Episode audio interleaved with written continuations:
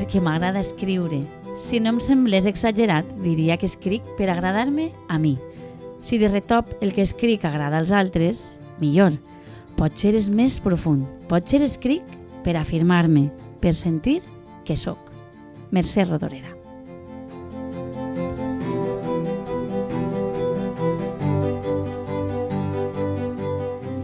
Benvingudes, benvinguts a l'Arquitectura de la Ficció. Ja sabeu, el podcast de Bromera on ens agrada despullar una miqueta els recursos literaris que fan servir els nostres creadors i creadores i també alguns dels secrets i les curiositats que ens guarden. Com li agrada dir a Vicent, entrem a la seva cuina. Vicent Ussó, bona vesprada i benvingut. Tenia, tenia ganes d'escoltar-te ja. Hola, gràcies. Jo també tenia ganes d'escoltar-te.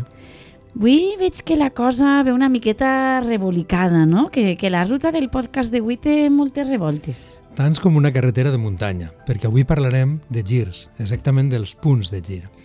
Una ferramenta, jo crec que indispensable per a, per a tota bona narració. En efecte, clar. El definim? Comencem pel principi? Sí, comencem definint, si vols. El punt de gir és un recurs narratiu que provoca un canvi en la situació en la que es troba normalment el protagonista i la boca si pot ser de manera inesperada, a un escenari inestable, en el qual, al qual haurà d'adaptar-se. I per fer-ho, per adaptar-se, es veurà obligada a emprendre determinades accions, és a dir, a prendre decisions. Els punts de gir són indispensables, perquè sense ells una narració resultaria completament plana i previsible. El lector, a més a més, podria anticipar el final i la lectura, en conseqüència, perdria mm -hmm. tot l'interès. Si estan ben gestionats, els punts de gir suposen un al·licient molt important per als lectors que es veuen sorpresos per canvis de rumb de la trama que no s'esperaven i per tant que li plantegen nous interrogants, noves expectatives. En la mesura en què obliguen el protagonista a actuar, els punts de gir donen un impuls a la trama, la fan avançar, la fan créixer. I és important, però, que aquest avanç es faça sempre en la direcció correcta, és a dir, la que condueix a la resolució, al desenllaç. Mm, aleshores un, un punt de gir no seria exactament un col d'efecte, no? Serien coses diferents? Serien coses diferents. No s'han de confondre perquè els cols d'efecte en realitat són girs gratuïts. També són girs, però mm -hmm. són gratuïts de girs gratuïts de la trama, que simplement serveixen per sacsejar-la, però que una vegada finalitzats, una vegada acaba l'efecte, diguem, deixen la trama en el mateix lloc on es trobava, on no la fan avançar, mm -hmm. com, com hem dit abans. I per tant, no, no avancem cap a la resolució, no suposa, diguem, un, una creació d'expectatives. De fet, els punts de gir, encara que siguin inesperats per al lector, eh, per a estar ben treballats han d'estar fonamentats en la història, no poden ser fruit de l'atzar.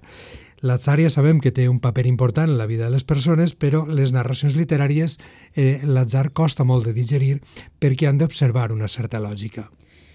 Clar, perquè un relat que, que només avançara no? a força de casualitats, com bé dius, podria acabar resultant inversemblant i que els lectors tinguem la sensació que, que les parts no acaben d'estar ben articulades o encaixades, seria això? Sí, la vida de vegades avança a cop de casualitat, però una narració literària el lector no, no toleraria no. que estiguera mm -hmm. sempre vinculada a, a la casualitat. La narració necessita punts de gir fonamentats per activar la història. Si es basa, per exemple, en l'estructura aristotèlica, que és la més coneguda, plantejament, nus, desenllaç, n'hauria de tindre com a poc dos el que obre l'acció i inicia, mm -hmm. per tant, el, el nus, dir, passem del plantejament al nus, seria el punt de gir inicial, i el que tanca el nus i dona peu al desenllaç, que el podríem anomenar punt de gir final.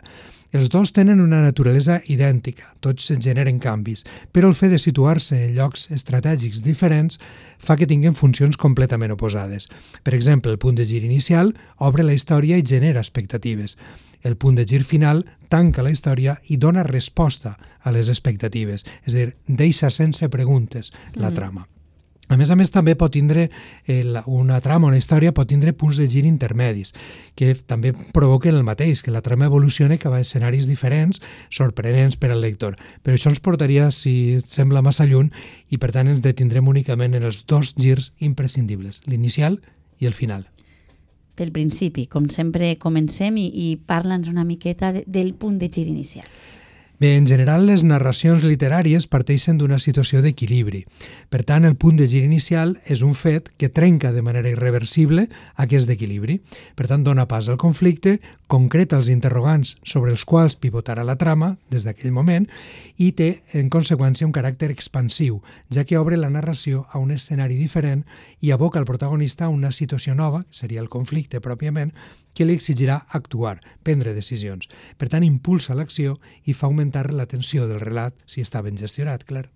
Et veig algun, algun exemple per, perquè ho veiem més clar? Sí, clar. Farem servir, si et sembla, una novel·la d'un autor austríac, Arthur Schnitzler, que explica, es diu La senyoreta Els, i explica la història, clar, de la senyoreta Els, que és una jove burgesa que passa les vacances en un balneari, gaudint de la vida que en el moment inicial presenta una situació d'equilibri absolut i perfecte. De sobte, Els rep un telegrama de la família on la mare li explica que estan en una situació econòmica de certa dificultat i li demana que parli amb el senyor Dorsday. És un altre hoste del balneari al qual s'ha referit ells en una carta anterior.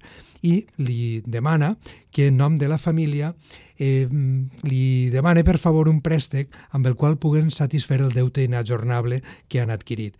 Els eh, s'acosta al senyor Dorsday, com li ha demanat la mare, i aquest, quan li fa la sol·licitud, li respon a això que ara sentirem.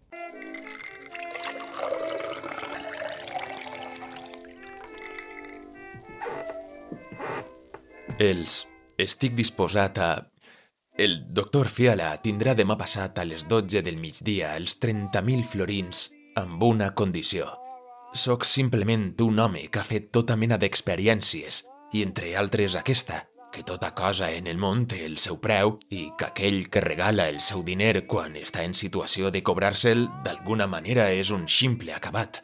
I el que jo vull comprar-me aquesta vegada a ells tot i valer molt, vostè no es farà pas més pobre en vendre-meu.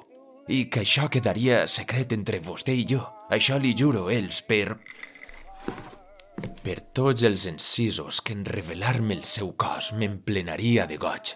I també li jure que jo no m'aprofitaré de la situació de cap manera que no estiga prevista en el nostre contracte. No desitjo altra cosa de vostè que em permeta restar un quart d'hora en devoció davant de la seua bellesa.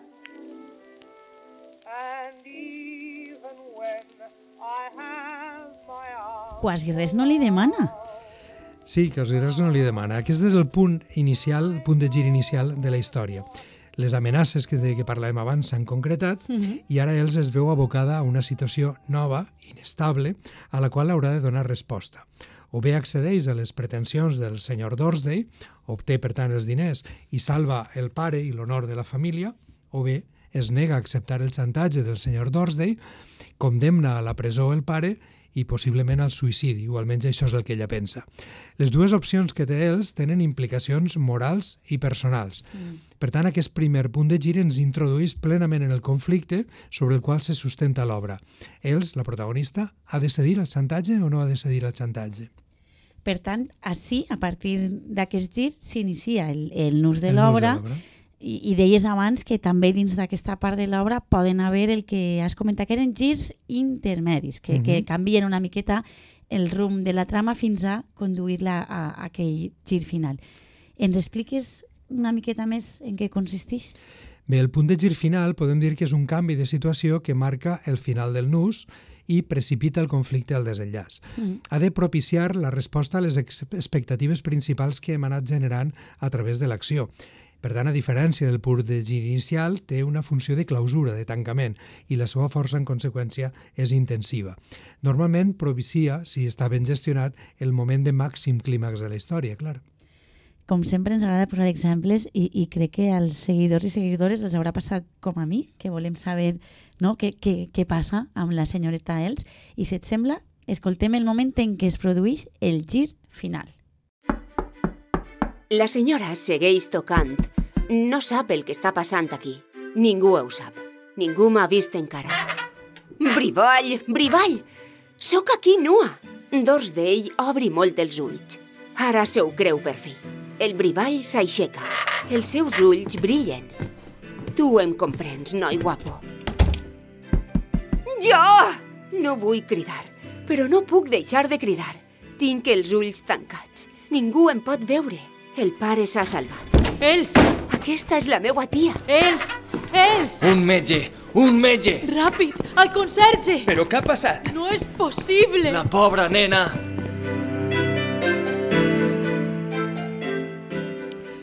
Senyoreta Els decideix per fi accedir als desits del senyor Dorsday, però, en lloc d'anar a l'habitació de l'home, com ell li havia demanat, es despulla a la seva habitació, es cobreix únicament amb un abric, un abric llarg, i baixa al saló, on els hostes de l'hotel en aquell moment estan conversant després d'haver sopat.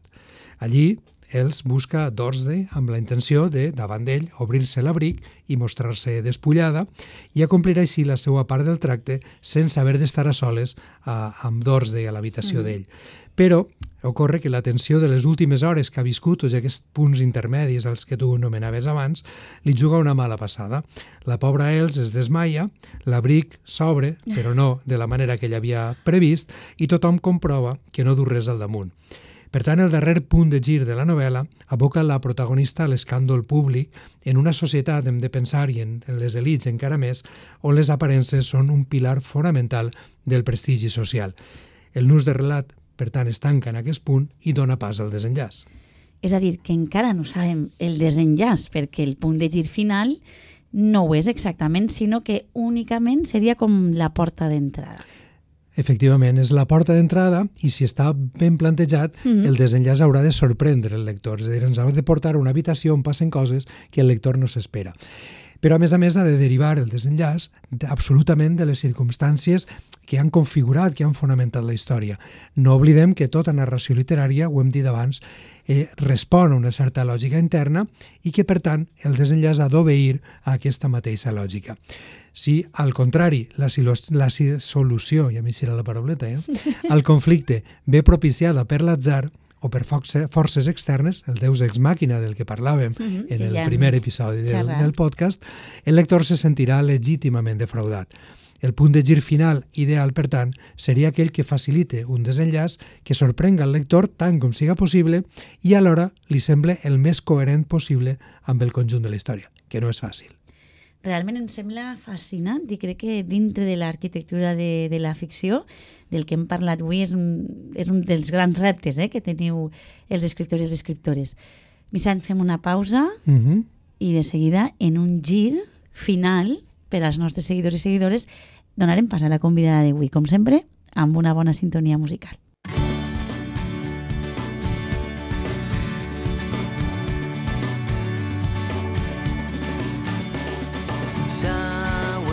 De sora baixa dins l'horitzó damunt la mar rissada els avions. Tau el sol de sora baixa vermell i talent massala i merengada sa pell espanyassellat i una pluja suau de pols estel·lar.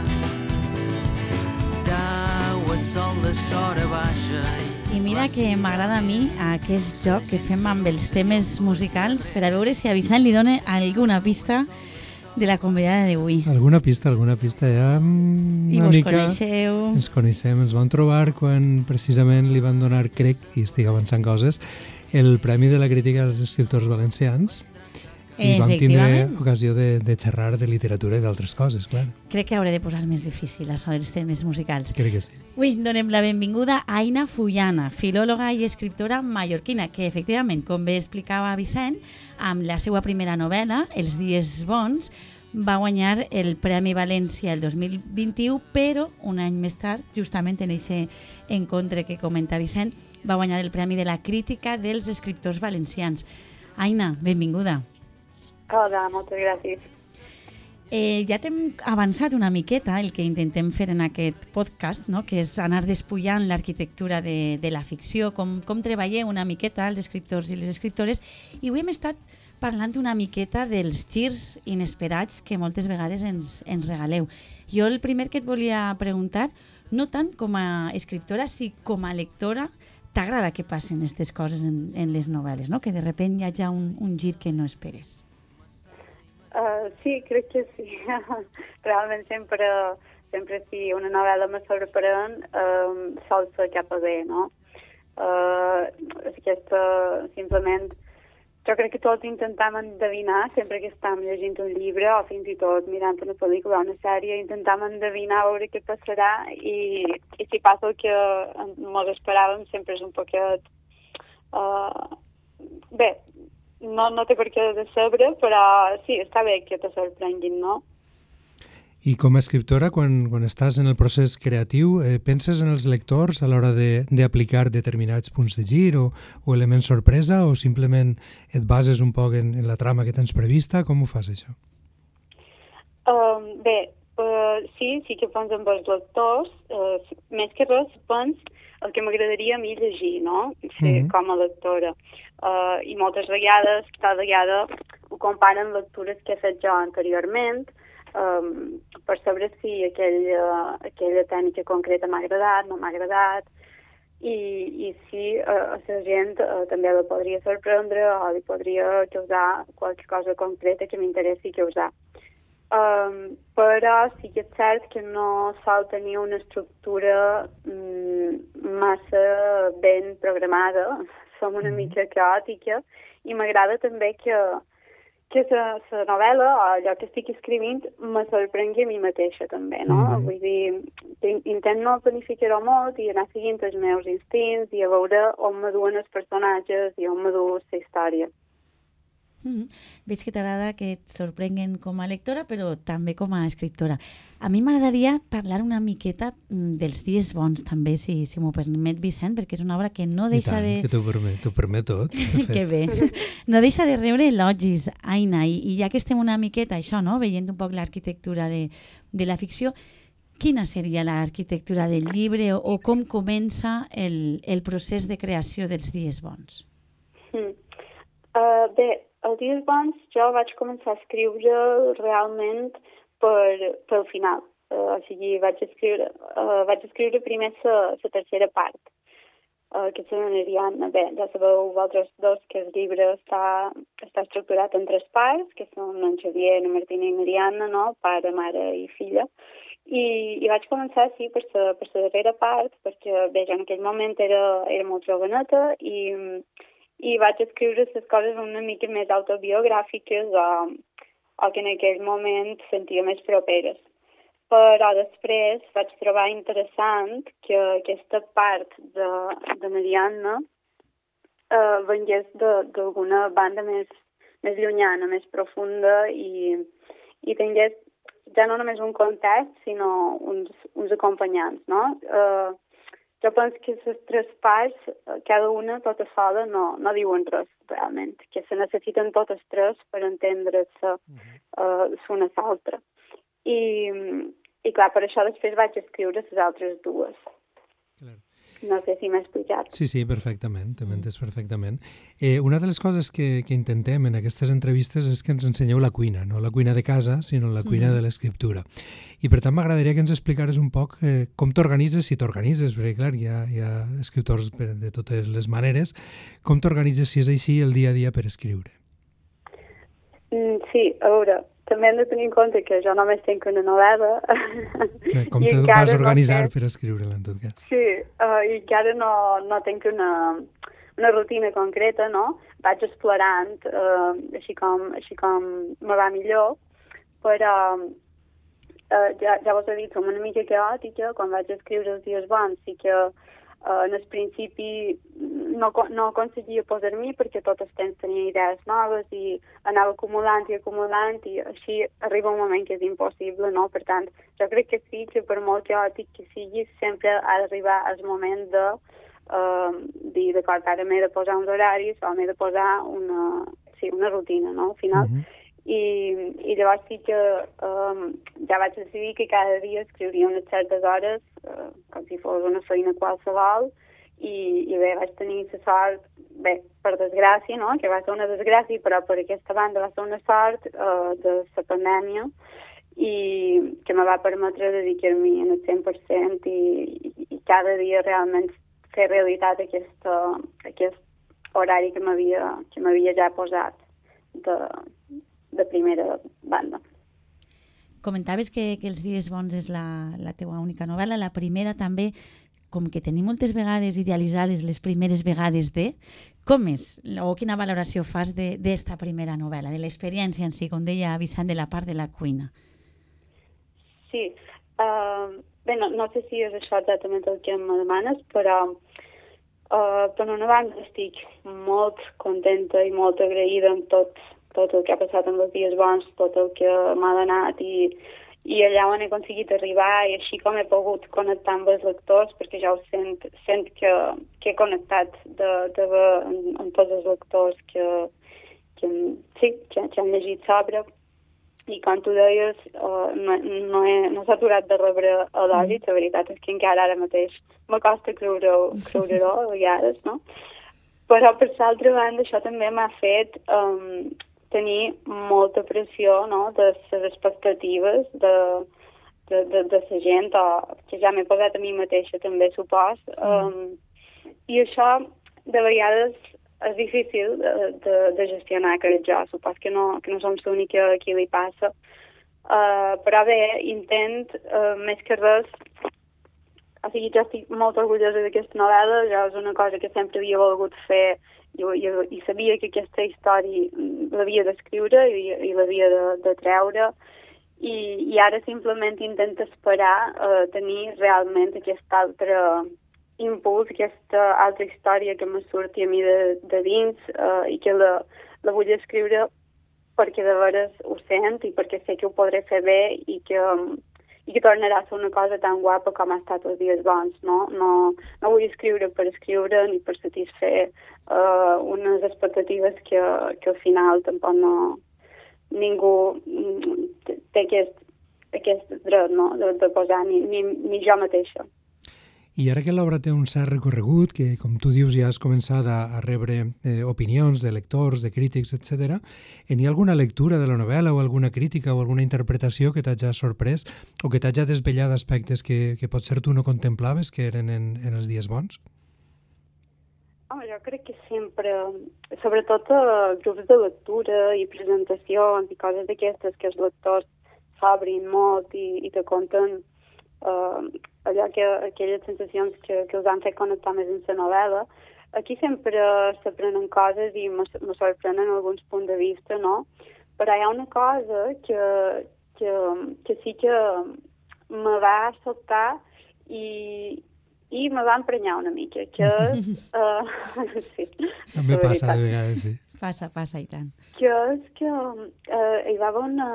És que no era ben bé una ressenya de sobre, parlava de diverses escriptores, no recordo ara mateix ni, ni quin mitjà era ni, ni qui l'havia escrit, però parlava de diverses escriptores uh, i com, com que mos posava dins un sac d'escriptores que no eren feministes, no? per dir-ho d'alguna manera. Mm -hmm. uh, no ho deia així exactament, però ho insinuava i, i a mi en part me va sorprendre, o sigui, ho vaig entendre, perquè es veu que Els dies bons no és precisament una novel·la feminista, però crec que també se pot entreveure um, que, que jo com a, com a persona no...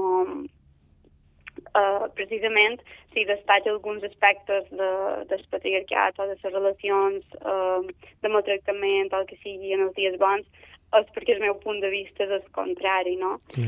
Uh, crec que això uh, és fàcil d'entreveure, però aquesta persona en concret mm, me va sorprendre, me va sorprendre, simplement, no? És, això és una miqueta producte d'aquesta necessitat que tenim ara d'etiquetar de, mm. totes les novel·les, no? I, sí. i segurament com que estrictament no es pot etiquetar com a feminista, ja està a l'altre costat, no sé, tal vegada. Mm. Però sí, sí, de vegades passen aquestes coses.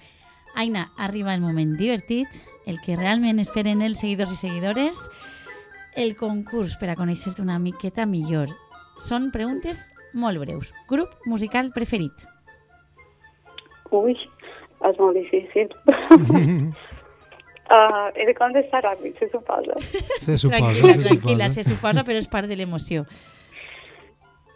Ai, que difícil. Mira, ara mateix te diré Reina, que és un grup de Manacor que estic escoltant molt darrerament i han de treure un disc d'aquí poquet. Manacor és el meu poble, per qui no ho sàpiga.